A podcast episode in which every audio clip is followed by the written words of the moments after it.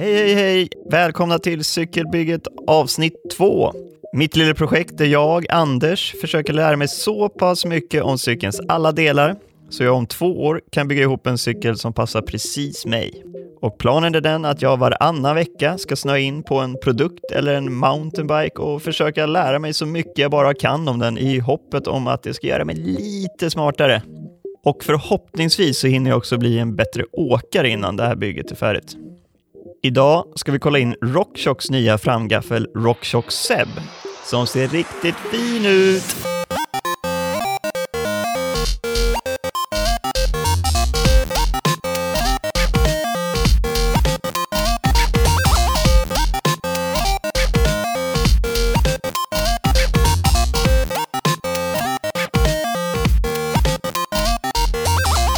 Vi börjar med att sätta igång ljudeffekten för tidsmaskinen, för vi ska åka bakåt i tiden.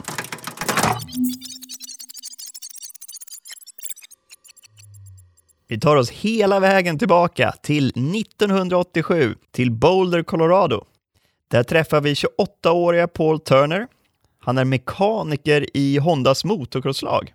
Han har nu cyklat mountainbike några år och insett att det är något som cykeln saknar som en självklarhet på motorcyklar. Vi pratar såklart om dämpning. Paul är ju som sagt motorcykelmekaniker och han har nu i sitt garage byggt en fram och bakdämpare anpassad för cyklar.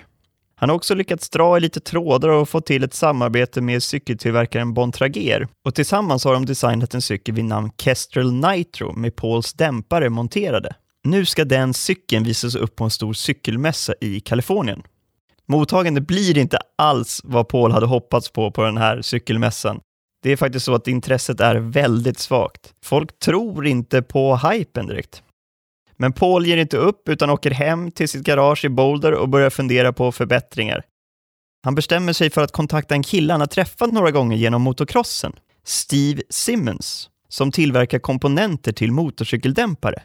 Paul ber om lite input från Steve och börjar köpa komponenter till sitt projekt av honom, men två år senare går de två ihop och saker sätts i rullning ordentligt. 1989 grundas företaget RockShox och ett år senare är det första världsmästerskapet någonsin i downhill och vinnaren blir Greg Herbold.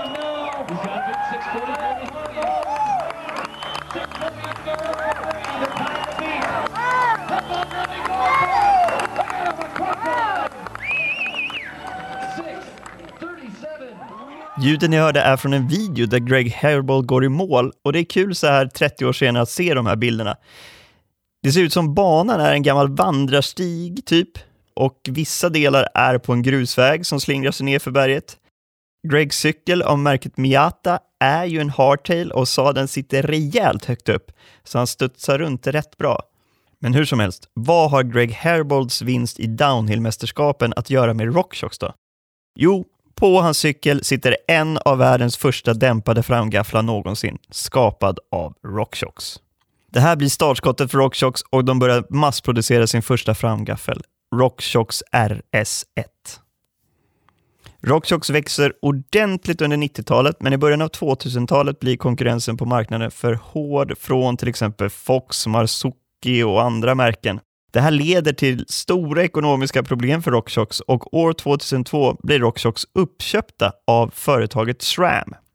Under 90-talet hade RockShox sina produktionsanläggningar i Colorado och Kalifornien, men när SRAM köper RockShox år 2002 flyttas produktionen till Taiwan.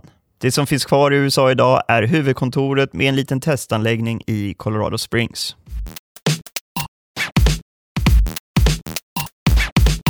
Okej, då har vi fått en liten bakgrund på RockShox. Nu vidare till den nya framgaffeln RockShox Seb. Först av allt, namnet. Inte långt ifrån RockShox huvudkontor i Colorado Springs ligger ett berg vid namn Pikes Peak. Det berget är döpt efter en utforskare som reste runt i Colorado i början av 1800-talet. Och han hette alltså Zebulon Pike. Så att RockShox nya framgaffel heter Seb är väl någon slags hommage till den här mannen Zebulon. Och ni som är på tårna vet också att en annan modell av Rockshocks framgafflar heter Pike. Så de verkar ju ha hittat något slags tema där helt enkelt. Vi börjar med att kolla hur mycket RockShox Seb har i slag, alltså hur många millimeter framgaffeln som max kan komprimeras. Och när man pratar om mountainbike så pratar man om slag från 100 mm för cross country cykling till 200 mm för downhill-cyklar. Och det som styr den här slaglängden på gafflarna är en luftfjäder som sitter i ena benet på gaffeln. Vi kan ta RockShox Seb som exempel. Den kommer vara tillgänglig i 160-190 mm i slaglängd. Det betyder att när du beställer den kommer du få välja hur lång slaglängd du vill ha. Låt säga 160 mm. Då kommer din gaffel skeppas med en luftfjäder ämnad för 160 mm installerad. Men om du sen känner att du vill pröva på att få lite längre slag, låt säga 170 mm, kan du köpa en ny luftfjäder och helt enkelt byta själv. Vilket är ett relativt enkelt ingrepp, till och med jag har lyckats med det här. Men du kan såklart inte köpa en längre eller kortare luftfjäder åt en gaffel som inte är ämnad för det. Då blir det galet. Hur som helst, som jag nämnde kommer RockShox vara tillgänglig från 160 till 190 mm i slag och är kategoriserad av RockShox för enduro. Alltså mer fokuserad på att åka nerför, men den ska också kunna klättra uppför. Om vi skulle lägga Seb i en skala över RockShox modeller skulle RockShox Seb hamna mellan RockShox Lyric och RockShox Boxer. RockShox Lyric har länge varit enduroåkarnas val av gaffel i RockShox utbud och tanken är väl att RockShox Seb ska ta över den platsen. Och då är det inte bara slaglängden vi pratar om, där Lyric maxar på 180 mm och Seb på 190 mm, utan det är såklart andra aspekter som också spelar in. Och det RockShox har fokuserat på är styvheten på gaffeln. Den är alltså stelare och det är speciellt styvheten vid vridmoment där den ska palla mer om man jämför med Lyriken. Då pratar vi alltså om hur de två olika benen vrider sig mot varandra när du åker. Där ska Seb vara hela 20% stelare än Lyriken. Men den ska inte vara alltför stel överallt. Det kan påverka åkningen negativt. Den måste ha lite svaj, så att säga. Om man kollar på styvheten på sidorörelser är den endast 7% hårdare. Och om man kollar styvheten rakt framåt, så att säga, är den bara 2% hårdare än Lyricen. Men varför ska den vara styv då? Tanken är att det ska ge dig mer kontroll i åkningen och detta främst på grund av styvheten vid vridmoment. Det gör att du kan pressa den hårdare i kurvor och även göra det lättare att hålla din linje när det blir rejält stökigt på till exempel en rak sträcka. Den här styvheten har man bland annat uppnått genom att förstora gaffelbenen till 38 mm i diameter i jämförelse med 35 som det är på Lyricen. De större gaffelbenen gör den inte bara stelare, utan den gör också att du kan ha mindre luft i gaffeln och ändå få samma motstånd vid tunga smällar. Men det gör också att den är lite känsligare för små rötter och stenar, så du får en mjukare åkning även när det inte är superkuperat. RockShox Seb kommer vara tillgänglig i tre modeller, Select, Select Plus och Ultimate. Och sen kommer det också finnas en specifik modell för el-mountainbikes. Det som skiljer modellen åt är främst själva dämparen som sitter i ett av benen på gaffeln. Den dyraste versionen, Seb Ultimate, kommer med en Charger 2.1-dämpare med möjligheten att ställa in high och low speed compression. Det betyder alltså att du kommer att ha två rattar, en för high speed compression och en för low speed compression. High speed compression är, som det låter, hur mycket styrka dämpningen ska ha när du har en snabb kompression. Typ när du landar i ett hopp. Om du har för lite high speed compression kommer du gå igenom slaget på dämparen alldeles för snabbt när du landar och om du har för mycket high speed compression kommer du istället kännas väldigt stumt. Low speed compression är då alltså hur mycket styrka dämpningen har när du har en långsam kompression, till exempel om du åker över en liten sten om du har för lite low speed compression kommer det kännas segt och trampad och dämparen kommer gunga med. Om du har för mycket low speed compression kommer det kännas stumt över små stenar. Den billigare versionen under RockShox Ultimate, Select Plus, kommer ha samma Charger 2.1-dämpare, men du har bara möjlighet att ställa in low speed compression. Den här versionen, Select Plus, kommer endast vara tillgänglig för cykeltillverkare, så de kommer endast skeppas på kompletta cyklar.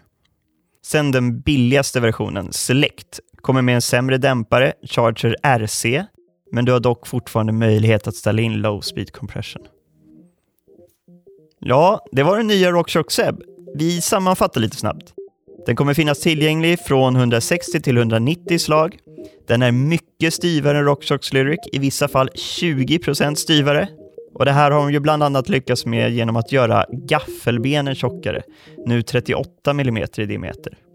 Den kommer finnas tillgänglig i tre olika modeller där skillnaden är typen av dämpare och då vad man har för möjlighet till inställningar helt enkelt.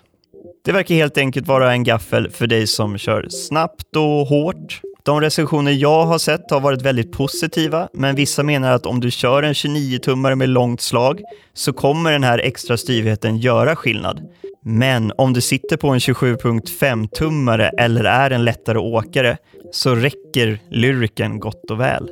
Min framtidsspaning är dock att i och med att många professionella enduroåkare kommer välja RockShox Seb så kommer även vi vanliga vilja ha den också. Sen är den ju också väldigt snygg.